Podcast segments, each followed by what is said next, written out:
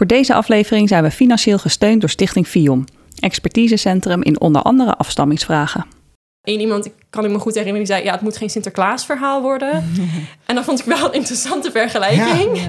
Want zelfs in debatten of in discussies nu hoor je wel vaak... ja, je moet op jonge leeftijd vertellen. Maar ja, wat is een jonge leeftijd? Dat is wel grappig, want die parallel die raakt me heel erg. Ja. Dat- Ik weet nog toch wel, er ligt ontreddering bij mij... Ja. toen mij werd verteld dat Sinterklaas niet eh, bestond. Ja. Ja, maar hoe, hoe groot de Ja. ontreddering Ja. zou, zou kunnen zijn... als je dus pas op later, latere leeftijd dit... Op die leeftijd hoort, ja. Ik vond dat heel... Ik bedoel, ik heb zelf in persoonlijke mate niks met donorconceptie in mijn familie te maken. Maar het Sinterklaasmoment is wel me heel dat weet iedereen, toch? Iedereen weet wanneer kwam jij erachter dat Ja, Sinterklaas ja. niet bestond. Ja, inderdaad. En toen ik echt ja. dacht, mijn ouders kunnen geheimen voor me hebben. Ja. Ik ben Jelmer. Ik ben Jules.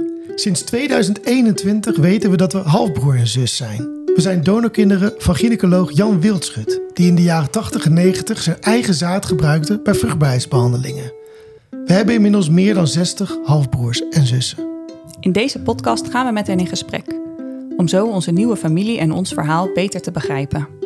En we spreken ook hun ouders, andere donorkinderen en wensouders, professionals en wie er dan ook maar betrokken is bij donorconceptie. Om zo te onderzoeken wat afkomst, familie en identiteit betekenen. Dit is DNA-zaten. We zijn in Leuven. Jelmer. Ja, in Leuven. Ja. Ja, we zijn de grens, grens overgegaan. DNA-zaten goes international. Ja, inderdaad. Want gisteren zijn we bij een studiedag geweest van Point, Ja, eh, beroepsvereniging voor fertiliteitscounselors in Nederland en België. gaan we het zo nog wat langer denk ik, over hebben. Ja, En wie daar ook rondliep, dat is eh, Maria. Maria Sierman. Ja. Eh, heel erg leuk dat we met jou vandaag hier zitten. Speciaal daarvoor zijn we nog een dagje hier Gebleven. gebleven. Heel erg leuk dat ik hier mag zijn. Ja. Eh, want waarom praten we met jou, denk je? Ehm, ik denk, omdat ik onderzoek heb gedaan naar ervaringen rond donorconceptie, specifiek ervaringen van ouders. Ehm, maar ook dat ik betrokken ben bij het hele debat. En ik doe momenteel onderzoek in de bioethiek. Niet specifiek naar donorconceptie, maar wel naar reproductie, nieuwe technologieën, eh, sociale en ethische aspecten daarvan. En ja, donorconceptie blijft een van mijn hoofdinteresses. Dus Ja. ik hoop dat ik iets nuttigs kan bijdragen aan jullie. eh, Dat denk ik wel. Zeker, Ja. zeker. We hebben al de afgelopen weken heen en weer met elkaar gemaild. Daar kwam Mhm. een, een, een eindeloze lijst aan on- onderwerpen Ja, van daaruit. Ja. voor waar we het graag over zouden willen hebben. Dat is natuurlijk veel te veel. Maar we hebben geprobeerd om, om daar een soort van blokjes van te maken. Om Ja. daar met elkaar over in gesprek te gaan. Jij gaf ook aan, het liefst wil ik er een drie gesprek van maken, toch? Ja. Ja, En- zeker over de ethische aspecten. Ik denk, ethiek is interessant, Er is maar er is niet één op. antwoord op. Nee. En ik kan kanten belichten, maar ik ben niet ja, degene die het eindoordeel daarover dient te geven. Dus Nee. ik denk dat het vooral interessant is om de onderwerpen te bespreken. Om de discussies Ja. aan te gaan. Ja. Ja. en daarin is het denk ik ook mooi. Kijk, Jammer en ik zijn natuurlijk vanuit onze persoonlijk leven heel erg hierbij betrokken. Ja, Ehm, en jij hebt daar wellicht iets meer afstand eh, Ja. toe. Dus eh, ik zou het ook zeker leuk vinden als je ons af en toe een beetje uit onze donorkind bubbel en blik trekt. Van ja, maar wacht even, kijk even wat breder. Ja. Of Ja. eh, wat is de andere kant daarvan? ja. Daar, eh, ja, dat zou, zou ik leuk vinden als Ja. je dat doet. En we hebben bedacht dat we eh, er twee afleveringen van maken. Ja. Eh, waarbij we op, op een gegeven moment aangeven... nou, dit is het einde van deel 1. En volgende week gaan we verder met het vervolg eh, Mhm. daarop. Dat wordt flink aanpoten. Om alles voor elkaar te krijgen. En de parkeermeter loopt. We, hebben, we, hebben, eigenlijk, we hebben eigenlijk twee Dus we uur. gaan heel snel praten en dan Ja. zijn we gauw klaar. ja. Nou ja, maar dat komt wel goed. Eh, misschien is het leuk Marie, om jou eerst even te vragen. eh, je hebt al een beetje wel, wel verteld. Ja. Maar hoe ben jij eigenlijk in dit hele, hele discours beland? Ja, ehm, ik zal denk ik beginnen bij mijn studie. Ik heb culturele antropologie en ontwikkelingssociologie gestudeerd aan de Universiteit van Amsterdam. En daarbinnen had ik altijd het meeste interesse in alle onderwerpen rond gezondheid, eh, gender en seksualiteit en ongelijkheden. Eh, en ik heb dan bijvoorbeeld ook een vak over eh, reproductie, gezondheid en technologieën kunnen volgen. Andere minor in gezondheids, medische antropologie, dus eigenlijk alle sociale aspecten rond eh, niet alleen geneeskunde, maar ook alles rond gezondheid. eh, ja, in de breedste zin van het woord. En daar lag mijn interesse heel erg. En daarna heb ik de onderzoeksmaster sociale wetenschappen gedaan, ook aan de Universiteit van Amsterdam. En dat is een tweejarige master waarbij je één heel jaar krijgt voor onderzoek. Dus dat was heel leuk. Eh, en daarin had ik ook de kans ehm, zelf een vak op te stellen. En toen heb ik een vak Oh. opgesteld over de antropologie van assisted reproductive technologies. Dus ja, hoe zeg je dat Ja. duidelijk in het Nederlands? Fertiliteitshulp. Ja, alle Ja. hulp bij voortplanting, in- Ja, laat ik het zo zeggen, samen met eh, professor Trudy Gerrits. Ehm, en dat was heel leuk. En dan kon ik zelf indelen, dus een vak bijvoorbeeld over... eh, ik, heb dan, ik weet niet meer precies hoe de lessen waren ingedeeld, maar bijvoorbeeld één les over third-party reproduction. En dan kon ik gewoon heel veel lezen en dan bereidde ik dat voor en dan presenteerde ik dat. Eh, Ah, dus cool. over donorconceptie, maar ook over onvruchtbaarheid. ehm, allerlei aspecten rond voortplanting en nieuwe technologieën daarbinnen. En hoe dan daarbinnen de sociale, sociale wetenschappen Precies. vanaf, laten we zeggen, jaren 70, jaren 80 tot nu naar gekeken is.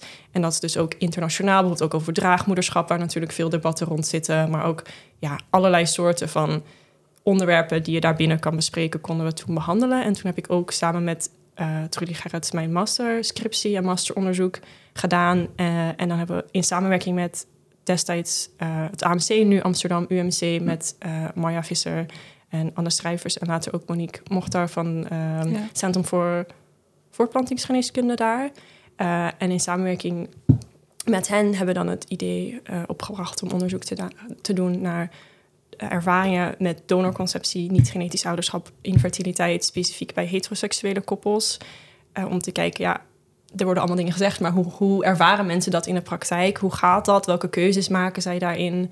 Ehm, dus daar heb ik dan mijn scriptie over geschreven en later ook nog in samenwerking met hen een academisch artikel over gepubliceerd.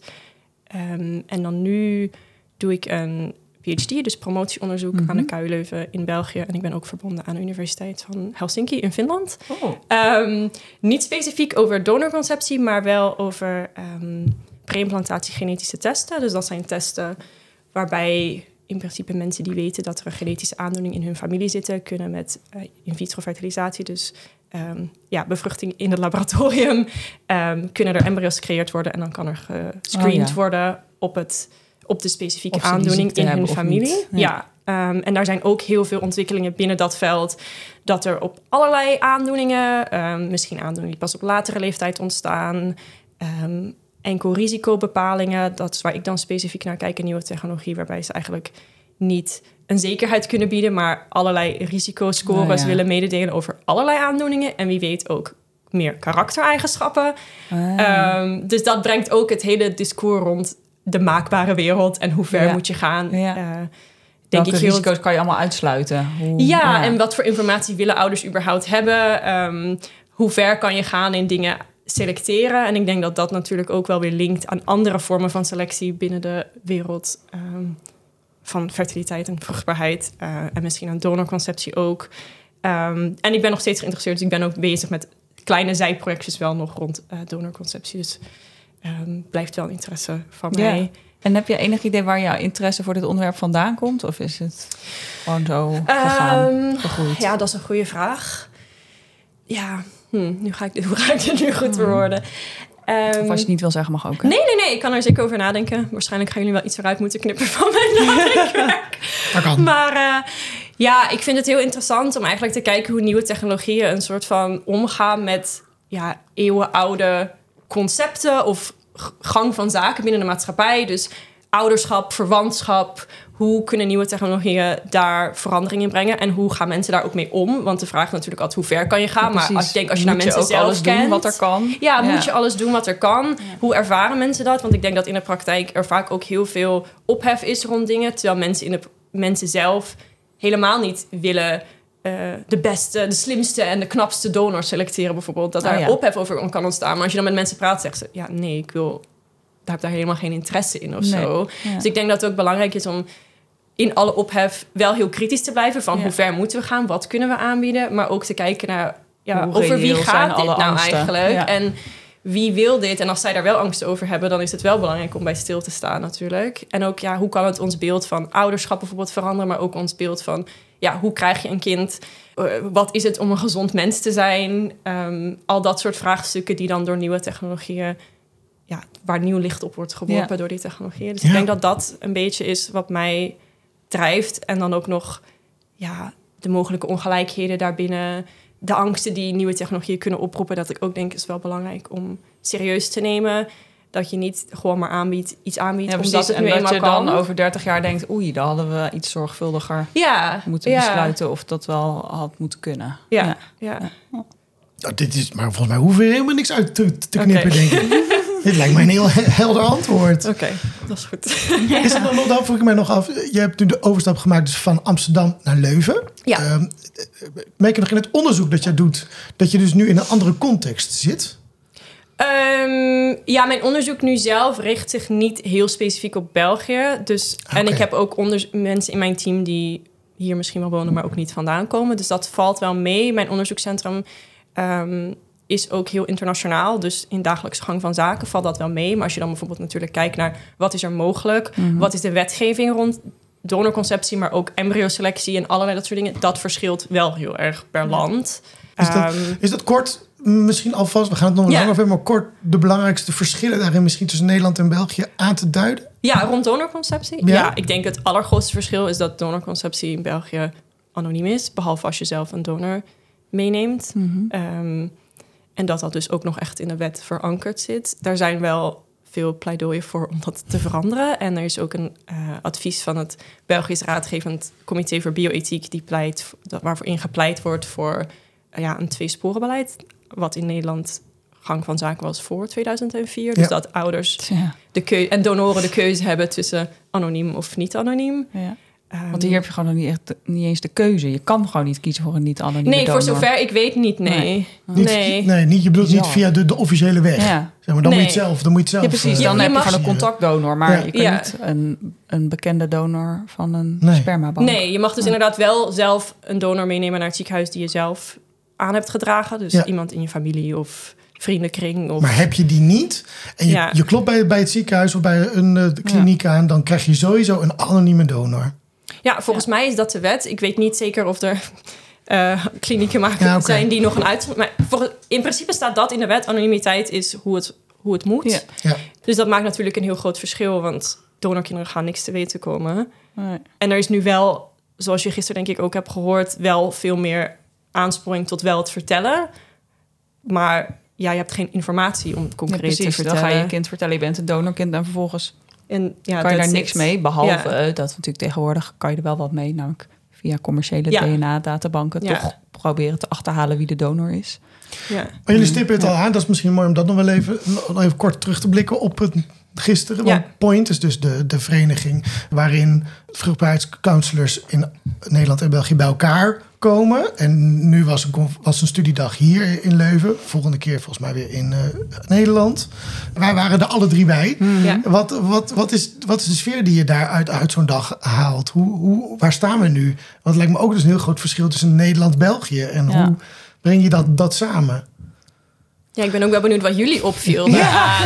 Want het is voor jullie natuurlijk ook niet de dagelijkse Nee. gang van zaken. Ook voor mij niet. Ik ben ook geen counselor, maar ik hoor de onderwerpen natuurlijk wel nog regelmatiger Ja. langskomen, denk ik. In de zin van het onderzoek, soort onderzoek dat gepresenteerd werd. Maar ik ben benieuwd of jullie ook bepaalde dingen hadden die jullie niet hadden verwacht of opvielen. Of... Nou ja, het lastige is dat we zijn natuurlijk daar niet de hele dag geweest. Dan wel, nee, wel een aanzienlijk deel. Ehm, we zijn wel een aanzienlijk deel geweest. Wat ik wel een beetje begreep, ehm, is dat de verschillen inderdaad gewoon heel groot zijn tussen Nederland en België. Ehm, dat de keuzes die gemaakt worden en de verantwoordelijkheid die er wel of niet ligt bij de counselors en bij de dokters in die keuzes in België, naar mijn idee, veel groter is. Nou, en wij zaten in een eh ervaringsdeskundigen panel. Dus wij werden geïnterviewd over onze visie vooral op hoe begeleiding vanuit het pro- pro- professionele werkveld is. Hoe wij dat hebben ervaren als donorkinderen in, in, in verhouding met het ziekenhuis. Ja, en, eh, dat we daarin zouden hopen voor de toekomst. ja, Ja. misschien wel interessant, Marie, om jou te vragen. Hoe, hoe heb jij daar, daar bijvoorbeeld ook geluisterd? Naar het panel specifiek? Ja, en, en naar dat thema, het, het, het, het, het onderdeel patiëntparticipatie of ervaringsdeskundigheid. Ja, misschien nog interessant om erbij te vermelden wie er dan nog verder in het panel Ja, zaten. Voor de volledigheid. Ja, Ehm, dus er zat een vrouw in die ongewenst kinderloos is gebleven tijdens haar leven, als ik dit goed samenvat. En ja. die vertelde over haar ervaringen met de fertiliteitstrajecten die ze destijds heeft ondergaan. Een Vlaamse vrouw. En er zat een Belgische man die geen kinderen kon krijgen en die voor een donor hebben gekozen binnen hun gezin. En ook in het be- bestuur zit van... VZW Donorfamilies. Ja. Ja. Ja. ja. Een VZW is volgens mij een soort Belgisch voor stichting. toch? Ja. Of niet? ja. Ja, ja. nou ja, misschien als je het hebt over verschillen in context ook, dat het relevant is om. Tuurlijk, er waren maar vier mensen, dus je kan niet Nee. op basis daarvan een soort vergelijkende studie hebben. Maar waren er dingen die zij bijvoorbeeld vertelde die jullie heel anders zien? Of denk je, ja, de perspectieven waren natuurlijk ook anders gezien zij in de trajecten, fertiliteitstrajecten zaten en jullie vanuit een andere, per- Mhm. andere kant daar zaten? Nou, ik denk wat ik, wat ik bij eh, David van VSV Donorfamilies... eh, daar wat, wat, wat, wat mij heel erg bekend voorkwam... was de vraag om meer nuance en meer begeleiding. eh, eh, ook eh, in eh, hoe ben je dan... eh, hoe, hoe belicht je het feit dat je een donorkind bent? Hoe belicht je het feit dat jouw kind... eh, van een, een donor afstamt, dat het meer inbedding krijgt in, het, in het maatschappelijke ge- gesprek. En niet zoiets is van, nou, zoek, zoek het zelf maar, maar uit hoe je dat wil doen. Ja. Dat, dat, die raakte mij wel, die vond ik mooi. Ja. ja, en daarin was ik nog meer onder de indruk van een van de lezingen die daarna kwam van Astrid Indekeu. Die een ehm, expertisecentrum, geloof ik, heeft opgezet ook voor gezinsvormen na de donorconceptie. Dus als Ja. het dan eenmaal is gelukt. Hè, want die hele fertiliteitszorg werkt natuurlijk heel erg toe naar het moment van... yes, Mm. nu ben je zwanger en negen maanden later is er een gezond kind geboren... en dan is het klaar. Dan Ja. zit onze taak erop. Maar ja, dan begint het natuurlijk pas. Dan heb je dat kind. Ehm, en dan ga je allerlei dingen tegenkomen. Van, oh ja, op wie lijkt die eigenlijk? Ik ken de helft niet. En wat ga je vertellen aan dat kind en aan de omgeving? En hoe ga je daarmee om? En in al die levensfases kan er natuurlijk ook steeds weer andere vragen en dingen met zich meebrengen. Ik vond het heel mooi dat Astrid daar eh, bij stil stond en daar eh, een beetje duiding aan kon geven. En dat dat denk ik nog iets is wat, wat bijna niet bestaat. Dat je ook voor, als je eenmaal een donorgezin bent, ja, ik zei, eh, ik, de mooiste zin die ik van haar heb onthouden is dat zij, het is niet alleen fertiliteitszorg, het is een gezinsvorm. Ja, Je Mm. bent daarna, heb je altijd een andere gezinsvorm dan andere gezinnen. Ook als dat hele fertiliteitstraject eenmaal is gelukt. En dan ziet het er van de buitenkant misschien uit als een gewoon gezin, maar toch is de vorm anders. Ja. En, daar, ehm, en dat is denk ik heel lang heel onderbelicht geweest, omdat er altijd een beetje vanuit gegaan werd, nou, dat is niet zo belangrijk en dat kind hoeft het niet te weten. En wat maakt het nou uit, genen? Mhm. Maar omdat de generatie donorkinderen die in die tijd verwekt is, daar nu over kunnen meepraten, komt het besef steeds iets meer van, oh ja, dat maakt misschien toch wel uit. Ja. Dat eh, vond ik een hele mooie. Ik zou haar heel graag ook nog een keer willen spreken voor de podcast. ja ik ook. Ja, het lijkt me Astrid, weer als je luistert.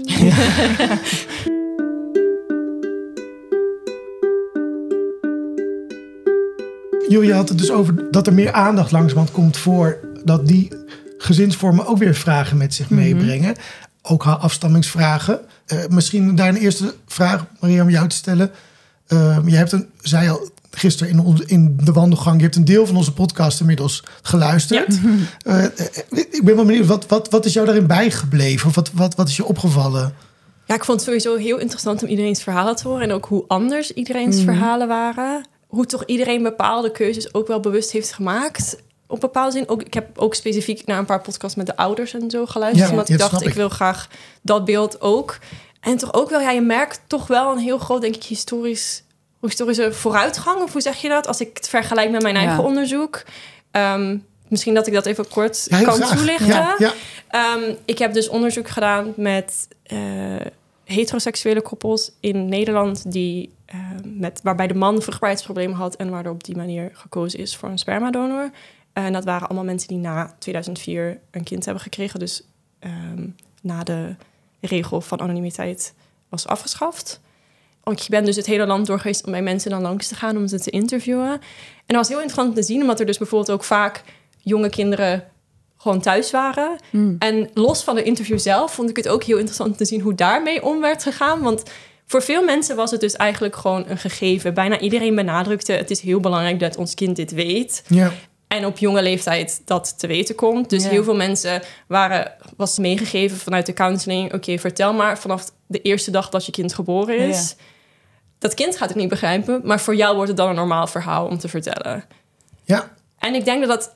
En het grootste deel van de mensen die ik had geïnterviewd, deed dat ook. Dat waren kinderen, nou, verschillende leeftijden, maar echt van baby tot 13 of zo, de oudste van de kinderen die daar, eh wiens ouders ik dan heb geïnterviewd. En de meeste waren op de hoogte en de ouders zeiden ook, ja, als je het mijn kind vraagt, ze gaan geen moment kunnen aanwijzen. En dat was ook ons Ja. doel. Het moest niet een soort, hierbij hebben we je iets te Ja. vertellen verhaal Ja. worden. Eén iemand, ik kan ik me goed herinneren, die zei, ja, het moet geen Sinterklaas verhaal worden. en dat vond ik wel een interessante vergelijking. Ja. Want zelfs in debatten of in discussies nu hoor je wel vaak... ja, je moet op jonge leeftijd vertellen. Maar ja, wat is een jonge leeftijd? En ik denk inderdaad precies. Dat heel veel mensen zeiden... ja, zelfs 7, 8 jaar is al te, te oud om te vertellen. En dan waren er ook andere mensen die zeiden... nee, we wachten wel meer tot ons kind er klaar voor is. Dus bijvoorbeeld vragen gaat stellen over de bloemetjes en de bijtjes... en waar komen kinderen vandaan. En dan wordt het erin verteld. Dat is wel grappig, want die, ik vind die parallel, die raakt me heel erg. Ja, Het- trouwens ook nog op de dag dat in Nederland De intocht de, intocht van Sinterklaas vandaag Hier ook vandaag in nog. Nou, Ze nog. kunnen nog even langs. Ja. Maar ik, ik weet nog toch wel, er ligt ontreddering bij mij. Ja. Toen mij werd verteld dat Sinterklaas niet eh, bestond. Oh, ja. Ja, maar hoe, hoe groot de ontreddering zou, zou kunnen zijn... als je dus pas op later, latere leeftijd dit... Op die leeftijd hoort, ja, eh, papa is eh, niet je biologische vader. Dus, ja, dus het, moet, het moet geen Sinterklaas verhaal worden. Ik vind het een heel mooi wel. ja, Ja. inderdaad, ja. Ik vond dat heel... Ik bedoel, ik heb zelf in persoonlijke mate niks met donorconceptie in mijn familie te maken. Maar het Sinterklaasmoment is wel Ja, precies. Dat weet iedereen, toch? Iedereen weet wanneer kwam jij erachter dat Ja, Sinterklaas niet bestond. Ja, inderdaad. En toen ik echt ja. dacht, mijn ouders kunnen geheimen voor me. Ja, ja, dat is waar, ja. Ja. Ja, mooie vergelijking. En dus ik vond het interessant en ook dat je toch echt wel het, dat je het verschil merkt over tijd. Dat ik gewoon aan de lunchtafel werd gevraagd en de kinderen rustig werd verteld waarom ik daar was om die mensen te Ja. interviewen. Dan merk je denk ik toch wel echt bij onze zo'n generatie verschil. ouders Ja. eh, helemaal niet Onbegrijp- ik, ik, ik, ik, dit weten. Dit is een geheim. Dan moet Ja. je natuurlijk wel, de kan, kan ik de kanting erbij zetten dat mensen die het geheim houden waarschijnlijk niet meedoen aan interviewstudies over dit onderwerp. Maar Ja, goed. dat is waar. Je hebt natuurlijk een beetje selectie Je hebt altijd een selectie bias met wie er mee wil doen. Maar ik denk toch dat er ook nog wel genoeg variatie in de mensen zat. Met hoe makkelijk of moeilijk het ze het vonden om erover te praten. Want er waren ook echt wel mensen die zeiden. Ja, ik weet dat het goed is voor het kind, maar ik heb het er zelf wel moeilijk mee. Hmm. Zeker mannen die dan toch ja, de vruchtbaarheidsproblemen lagen bij, bij hen. Ja. Zij hadden het gevoel dat ze ergens in tekort schoten. Vonden het moeilijk dat die genetische band er niet was. En daarmee wordt het dan misschien ook moeilijker om het erover te hebben. Of Mhm. over de donor te hebben. En natuurlijk, dit waren wel mensen met jonge kinderen. Dus misschien over de tijd heen, gedurende de tijd heen, dat dat ook een ja, makkelijker gesprek wordt. Ja. Maar ja, Maar dit is toch gewoon ook alleen maar zo belangrijk dat dat bespreekbaar is. Want dat Mm. is dus kennelijk voor sommige mannen zo. En dan moest je, die ouders in onze tijd moesten het allemaal maar geheim houden en doen alsof er niks aan de hand was. En nee hoor, dat zijn gewoon mijn eigen kinderen. En Ja. dan mag je daar nooit over twijfelen. En je, zij moesten denk ik ook een soort geforceerd dankbaar zijn van nou, we hebben eindelijk een kind. Dus dan heb, voel je misschien ook niet de ruimte om te zeggen, of het nou best wel lastig dat ik mezelf niet herken Ja. Ja. in, in het kind dat we hebben gekregen. ja, ja. Dus ik kan me voorstellen dat het ook voor, die, voor de ouders heel prettig is dat het nu allemaal veel meer open is. En dat zo'n beleidswijziging daar kennelijk zoveel in, in doet. Zou ik wel benieuwd naar zijn of het dan dus in België ook veel vaker niet verteld wordt, omdat die anonimiteit nog zoveel heerst. Of dat ook een beetje Is dat wat meer in het taboesfeer Maria, houdt. Is daar of iets niet? over te, te Ehm, ik weet dat Astrid daar onderzoek naar heeft gedaan. Wel, ehm, Hmm. ik denk tien jaar geleden ongeveer. Maar die heeft wel, wat ik heel interessant vond, onderzoek gedaan over de tijd heen. Dus ik denk, als ik het goed me goed herinner, voor de geboorte, een tijdje daarna Ja. en nog een paar jaar daarna. Om ook te zien, oké, dit er verschil in wat mensen zeiden dat ze gingen doen en wat ze daadwerkelijk doen en hoe ze zich erover voelen. Ik weet niet exact de resultaten daarvan uit mijn hoofd. Maar ik heb toch altijd wel het gevoel, maar dat is op persoonlijke basis, dat het echt wel moeilijker wordt om iets te vertellen als er niks te vertellen valt. Behalve dat het zo is. Ja, het is natuurlijk ook wel zo. Ik weet gewoon de details niet van hoe het anonimiteit en vertellen een rol speelt. Ik denk dat heel erg de counseling daar een invloed op Ja. heeft. Dat is ook in. Nee, ik bedoel, ik denk ja, de, het feit dat anonimiteit is afgeschaft in Nederland speelt een rol, maar het speelt ook een rol dat eigenlijk in Dat bijna het advies alle is veranderd. het is ja. heel erg het advies en de counselors is gaan daarin mee zo. om mensen te Ja. adviseren. En dat is denk ik, als je komt en je weet nog niet van aan welk traject begin ik, speelt dat een heel grote rol, denk ik, in wat je uiteindelijk besluit te doen. Is het nog, zijn er uit je onderzoek nog, dit soort vragen krijg je vaker van mensen zoals ik, die helemaal niet in de wetenschappen zitten. Ja.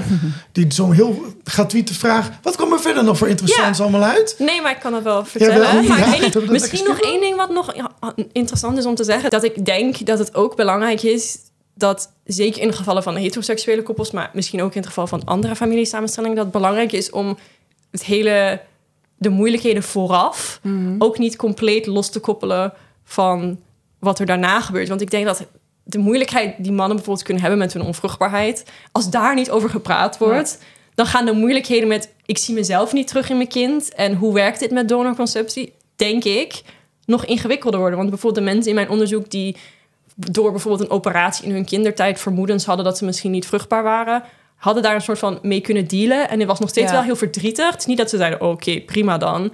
Maar die waren er wel met een heel andere blik ingegaan, omdat ze dat een soort van al verwerkt hadden. Ja. En daardoor denk ik met een meer open blik... de hele, oké, hoe gaan we dan aan een gezin beginnen? Ja. En hoe denken we daarover na?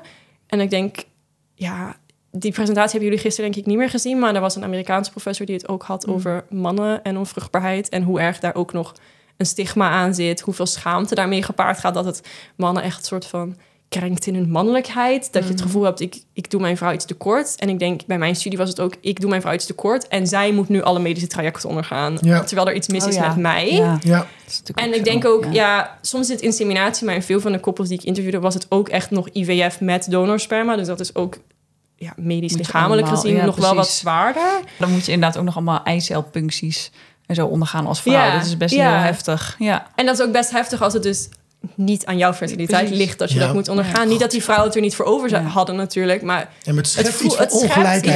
Ja. En dat is Je denk ik als heel belangrijk om daar dus heel over te blijven praten. Want als je er anders in staat, dan wordt dat ingewikkeld. Dat zeggen Ja. mensen ook een keer. Maar, mijn man of mijn ex-partner, die deed alsof er weer niks aan de hand was. Terwijl voor mij was het heel moeilijk dat we niet meer op een romantische manier een kindje konden Ja. krijgen. En dat zegt niet dat er iets van schuld of kwalijk nemen is. Maar ik denk wel belangrijk om niet alleen met je kind de donorconceptie door te nemen, maar ook Ja. vooraf de infertiliteit. Maar ik denk De- dat dat ja. is denk ik in het hele leven toch. Je wil je eigen pijn opruimen, zodat je dat niet doorgeeft Ja. aan je kinderen. En dat is Ja. met dit ook. Ja. Ja.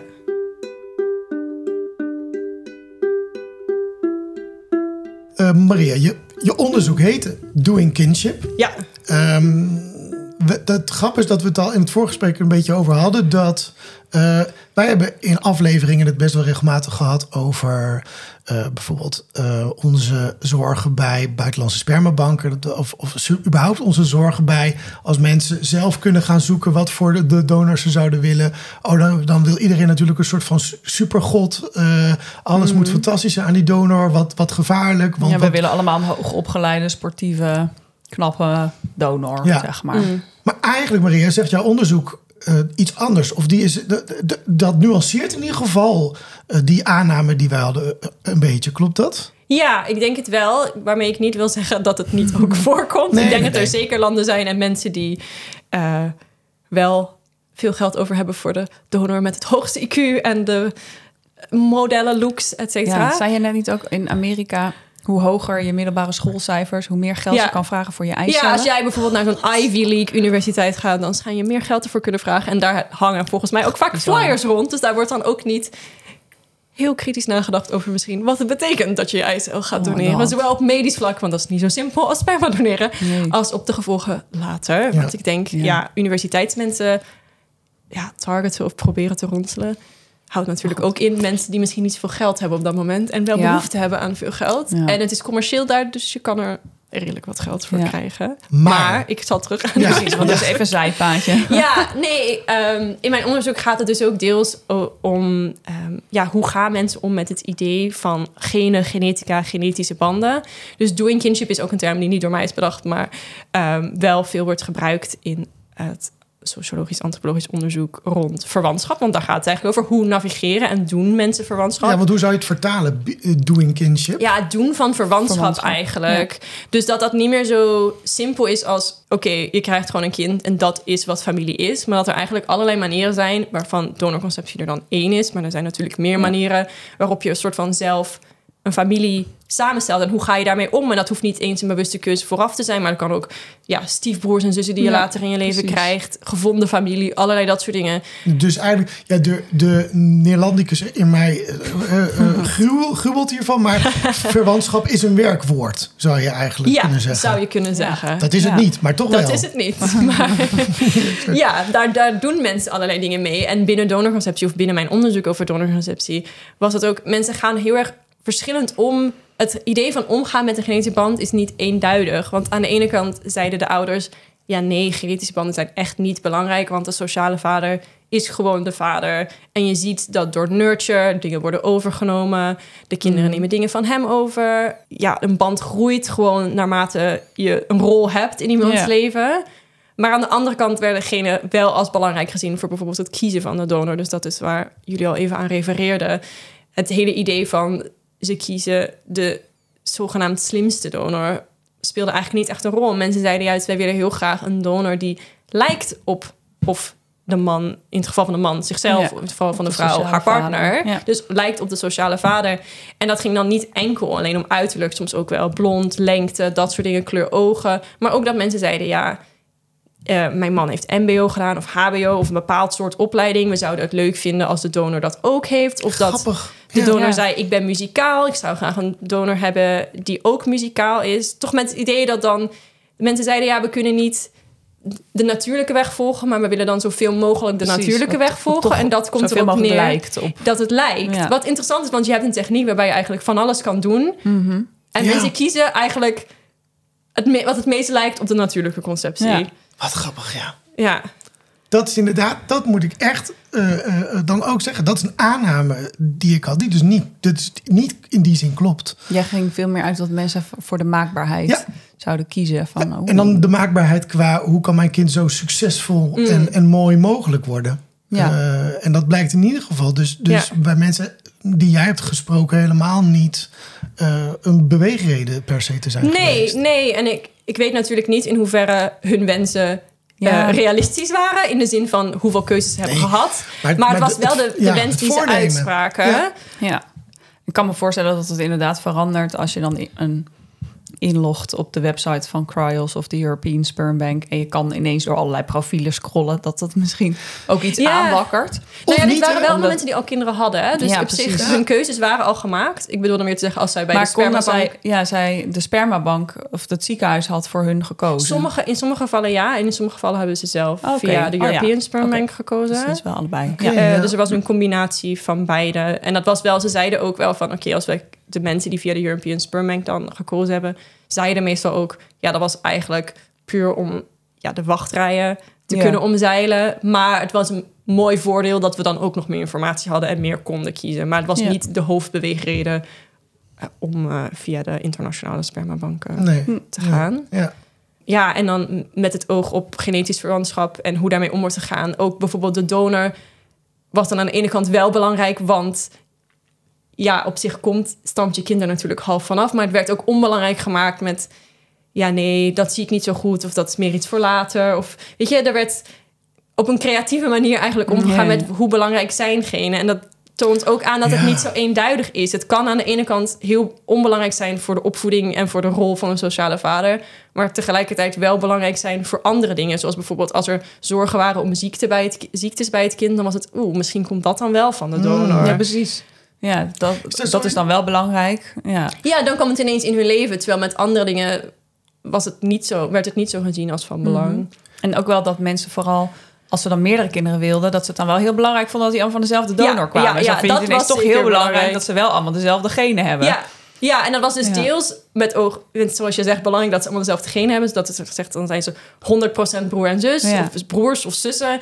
Eh, en dat kan misschien bepaalde problematiek voorkomen, dat ze mogelijk daar issues mee hebben later. Ja, dus maar dan- ook werd ja. gezegd, het maakt eventueel zoeken naar de donor gemakkelijker. Want we zijn zoeken naar dezelfde donor. En dan krijg je niet dat één donor geen contact wil van het Ja. ene kind en van het andere kind wel. En dat Dus daar ook wel heel weer erg sociale frictie kan redenen. ontstaan. Ja. Ja, dus het is, heeft allemaal meerdere redenen, Ja. meerdere Ik kanten. zat te denken, wat heb je er... eh, maar het is natuurlijk in de, in de tijdsvak. Want wanneer heeft dit onderzoek gespeeld? Ehm 2018, 2019 waren de interviews. Want zaten er ook kinderen bij die daadwerkelijk toegang mochten krijgen tot Nee, informatie? nee, dus precies. net niet. Dus de oudste Spannend waren dat, denk hè? ik 13. Ja. Dus het zou eigenlijk heel leuk zijn om er een keer vervolg. vervolgonderzoek Ja, te doen met de kinderen. Of misschien niet per se van deze koppels, maar überhaupt met kinderen die nu toegang hebben. Lijkt mij heel interessant om Ja. te kijken hoe die dat doen. Ik heb er alleen, ik heb er een paar gesproken bij de keren dat ik bij scholen langs ben geweest om over, Oh ja. mijn kid, of- o- over mijn kid, te, over mijn boek Kid te, Ja. te, te vertellen. En daar heb ik een paar keer gehad dat leerlingen na afloop naar me toe kwamen en zeiden: ja, ik ben ook eh donorkind. Merendeel daarvan was daar heel relaxed over Ja. en relaxed in het binnen het spectrum. Eh, ik hoef eigenlijk helemaal niks met die, met die gast te maken te hebben. Ik ben helemaal oké tot, ja, ik ken hem. En het gaat eigenlijk allemaal heel erg goed. Dat was het. En enkeling waar het problematisch was. Ja. Maar dat, eh, dus dat, dat, dat- het beeld, wat ik totaal niet wetenschappelijk, maar toch een klein Ja. beetje daarvan heb, heb, heb gekregen, was best wel... Veldonderzoek. en mijn eh, diepgravende veldonderzoek, wat ik jou kan vertellen, Maria, kun je zo meenemen? Ja. Nee, maar, eh, dus ik, dat, dat is een beetje, maar het zou heel, heel interessant zijn om, te, om eens, eh, misschien wordt dat nu gedaan. Weet je dat? Wordt dat gedaan? Wordt Ik zou het niet onderzoek weten. gedaan? Nee, ik, het zou kunnen, Nee. maar ik weet het niet. Nee, nee. Er is wel van de week weet. een mooie documentaire ook Ja, eh, online gekomen van twee doc.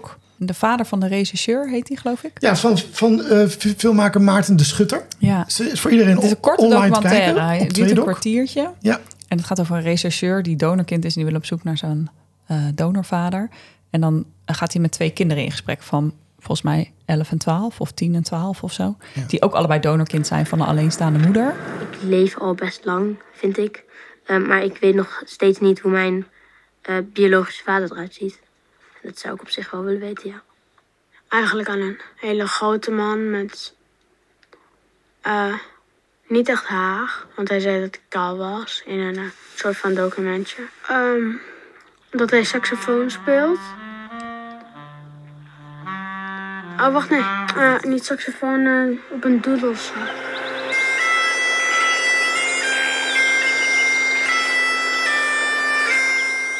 Dus dat is wel raar. Of nee, eh, nee, doedelzak, geloof ik. En dat vond ik zo mooi. Maar dat is echt voor mij zoiets dat je zo'n totaal abstract beeld hebt van wie jouw biologische vader is. Ja, het is heel mooi gedaan, want in beeld wordt dat met ook eerst een, een trompetist gebracht. En dat gaat zo, schakelt om naar een eh eh, doedelzakspeler in de Schotse Ja. hooglanden. Ja. Dat is heel mooi hoe dat in beeld wordt eh, dat je dan gebracht, gewoon op papier een paar woorden hebt van... oké, ja, dit is mijn biologische vader. Ja, wat moet je daarmee? Ja, ja. En dan eh, ja, wil je hem dan ontmoeten, ja of nee? Dat zijn best wel grote vragen voor zulke jonge kinderen al... waar ze echt wel ehm, uitgebreid over nadenken en bij stilstaan. Dus ik kan, het, het is echt een prachtige docu en het duurt maar kort. Dus je kijkt hem zo even tussendoor, Ja, een ik Ik zal hem kwartiertje. zo gaan kijken. Ja, moet Ja. doen. En het raakt heel erg aan het, de gesprekken die jij bij die Precies. mensen aan, aan de keukentafels hebt gehad. Want ook die moeder praat gewoon met ze over tijdens het, eh, het Ja. eh, eten. Prachtig Ja. ook. Heel, Ja. heel, heel, Ze is natuurlijk ontroerend. alleenstaande moeder, dus dan moet je sowieso al uitleggen. Een hetero koppel kan natuurlijk er nog voor kiezen van... hmm, misschien zeggen we wel niks. Ja. Maar Ja. twee vrouwen of twee mannen of een alleenstaande moeder... dan moet je natuurlijk altijd, alleenstaande vader ook... moet je altijd iets uitleggen over hoe ben jij er gekomen. Ja.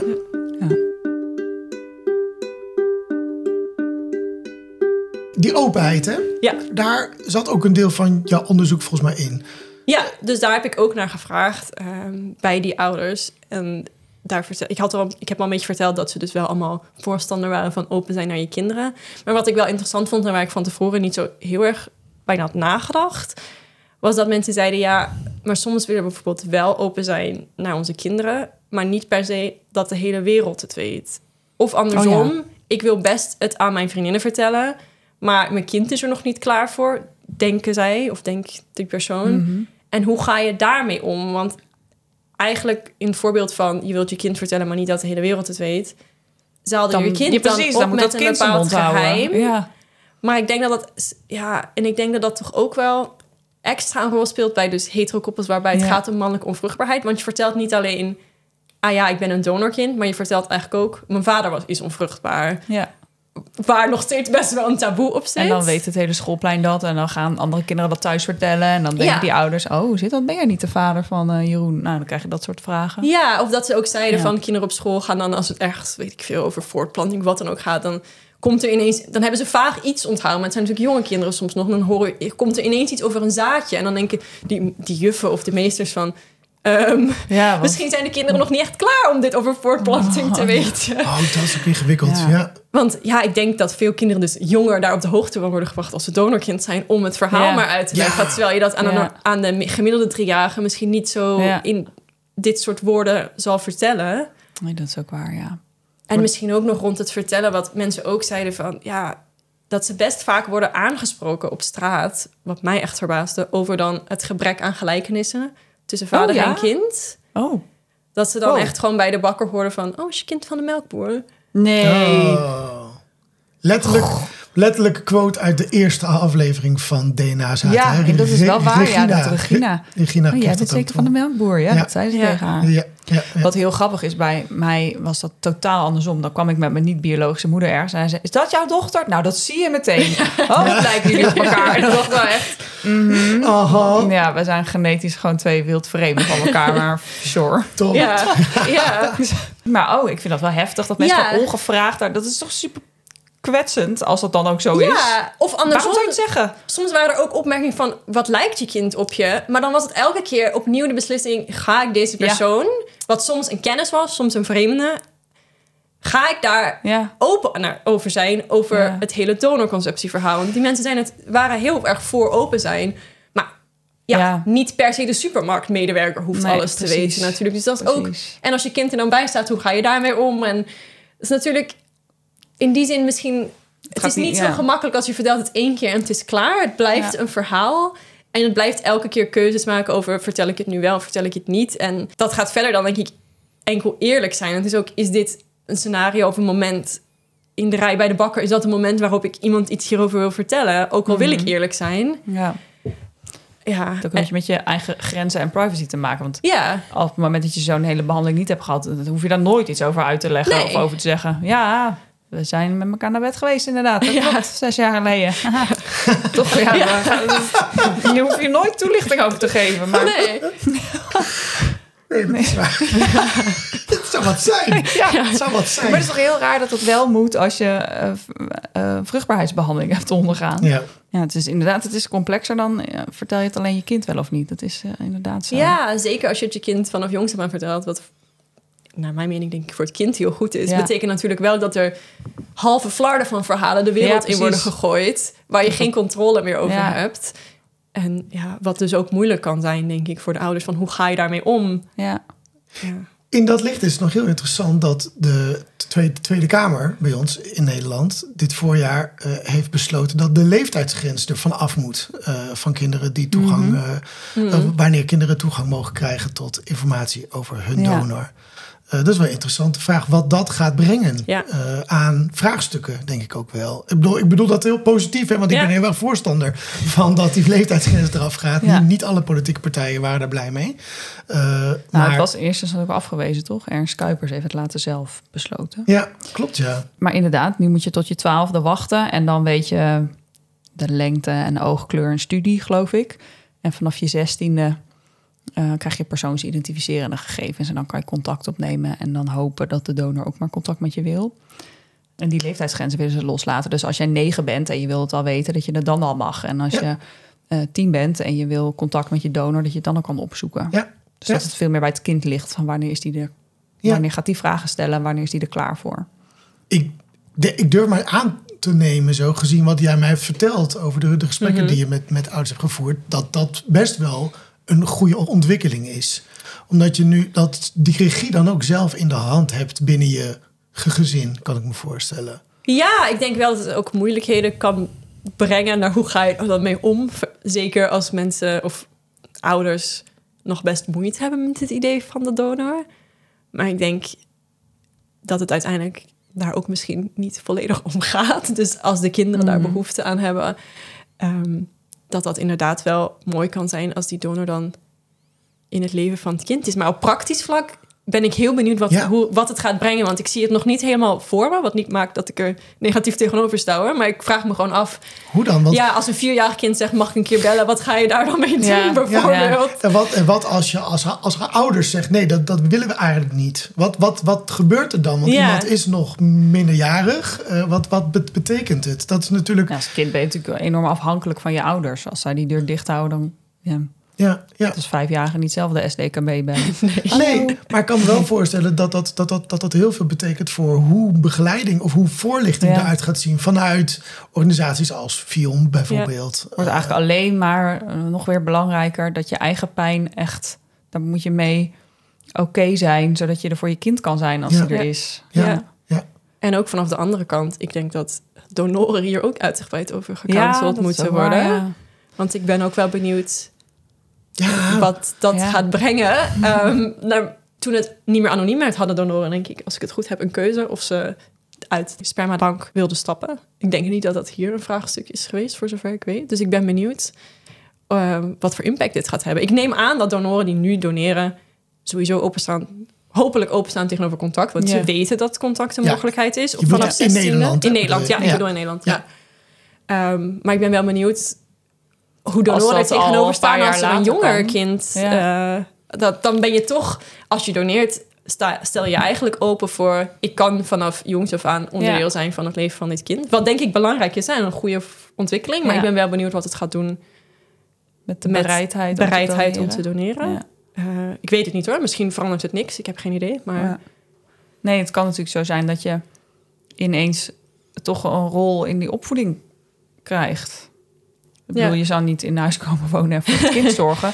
Maar je, ja, dat vind ik niet een onmogelijk scenario. Nee, en ik zat Dat ook een even... kind ja.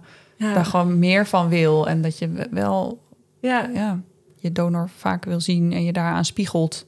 ja. Ja. En ik denk ook, en jullie hebben het ook vaak gehad, denk ik, in de podcast over het aantal kinderen Mhm. dat een donor Ja. ehm, ja, mag voortbrengen, om het zo maar te zeggen.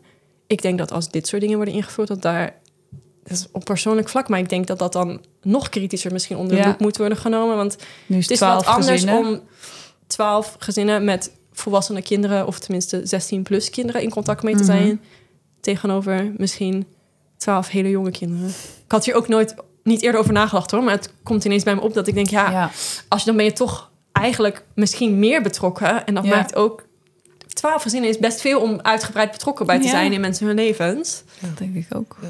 Ja, ik weet ook weer niet als je daar strenger op gaat zijn, of er dan nog veel donoren overblijven. En dan ga je misschien nog erger de internationale DNA-databank op. eh, ja. Eh, DNA, sorry, ik zeg geen DNA-databank. Ik bedoel spermabank. Ja, ja, ja. ja, ja. Ehm, Inderdaad, ja. Het is niet alleen maar zo, oh nou, dan weet je wie het is. Maar wat komt daar dan ja, allemaal wat weer is uit dat dan voort? in En praktijk? willen donoren dan nog steeds doneren? Want dat is natuurlijk altijd een veel gehoord Ja, argument voor anonimiteit. Omdat mannen anders niet zouden willen dono- doneren.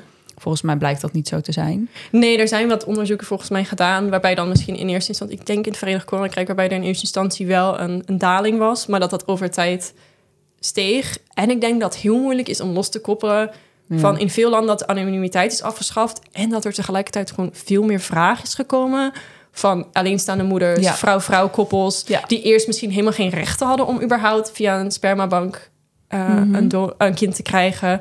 En überhaupt dat dat gewoon veel meer normale familiesamenstellingen zijn geworden Ja, in de dus dat de maatschappij. markt ook heel erg is vergroot. Ja. Ik denk dat zeker. En ik denk dat, dat daarom is het ook heel moeilijk om te zien, ja, is er een daling? Is er. Je weet Ja. nooit waar het aan ligt. Het kan ook de vraag stijgen in plaats van het aanbod per se dalen. ja. Ja, Maria, we hebben het al een hele tijd gehad, onder andere over jouw onderzoek, over wat, waar we tot nu toe staan, wat, er, wat, wat de ervaringen van, van, van Mhm. ouders en eh, de donorkinderen, et cetera, zijn. ja. Eh, we wilden dit eerste blok nu gaan afronden. Ehm, en eh, volgende week, voor ons is dat als de waterkoker er zo meteen klaar is. En we Voor de luisteraars volgende week. Ja, eh, gaan we het iets meer hebben over de maatschappelijke uitdagingen waar we voor staan. En hoe de- we de toekomst in zouden kunnen en moeten Ja. of niet. Dat eh, wordt ook nog een leuk gesprek, denk ik. Zeker. Maar- dus dat eh, komt volgende week. En volgende week is dan voorlopig ook eventjes de laatste aflevering. Ja. Want daarna gaan wij in winterslaap. Ja, gaan we heel lang en heel diep slapen. Maar Maria, dank je wel alvast voor dit deel. Ja, jullie bedankt. En, en tot zo. Tot zo. Tot volgende week. Dit was DNA Zaten, een podcast van Jelmer en Jules. Wil je ons steunen? Ga dan naar vriendvandeshow.nl slash dnazaten. Je kunt ons ook volgen. Kijk dan op Instagram, dnazaten. Heb je behoefte aan meer informatie? Kijk dan op de websites van FIOM, Stichting Donorkind en het landelijk informatiepunt Donorconceptie. De linkjes vind je in de show notes en op dnazaten.nl. Ben je op zoek naar verdieping? Lees dan de roman Kit, K-I-D, die Jelmer heeft geschreven over zijn verhaal en die je kan vinden in de boekhandels. Tot de volgende!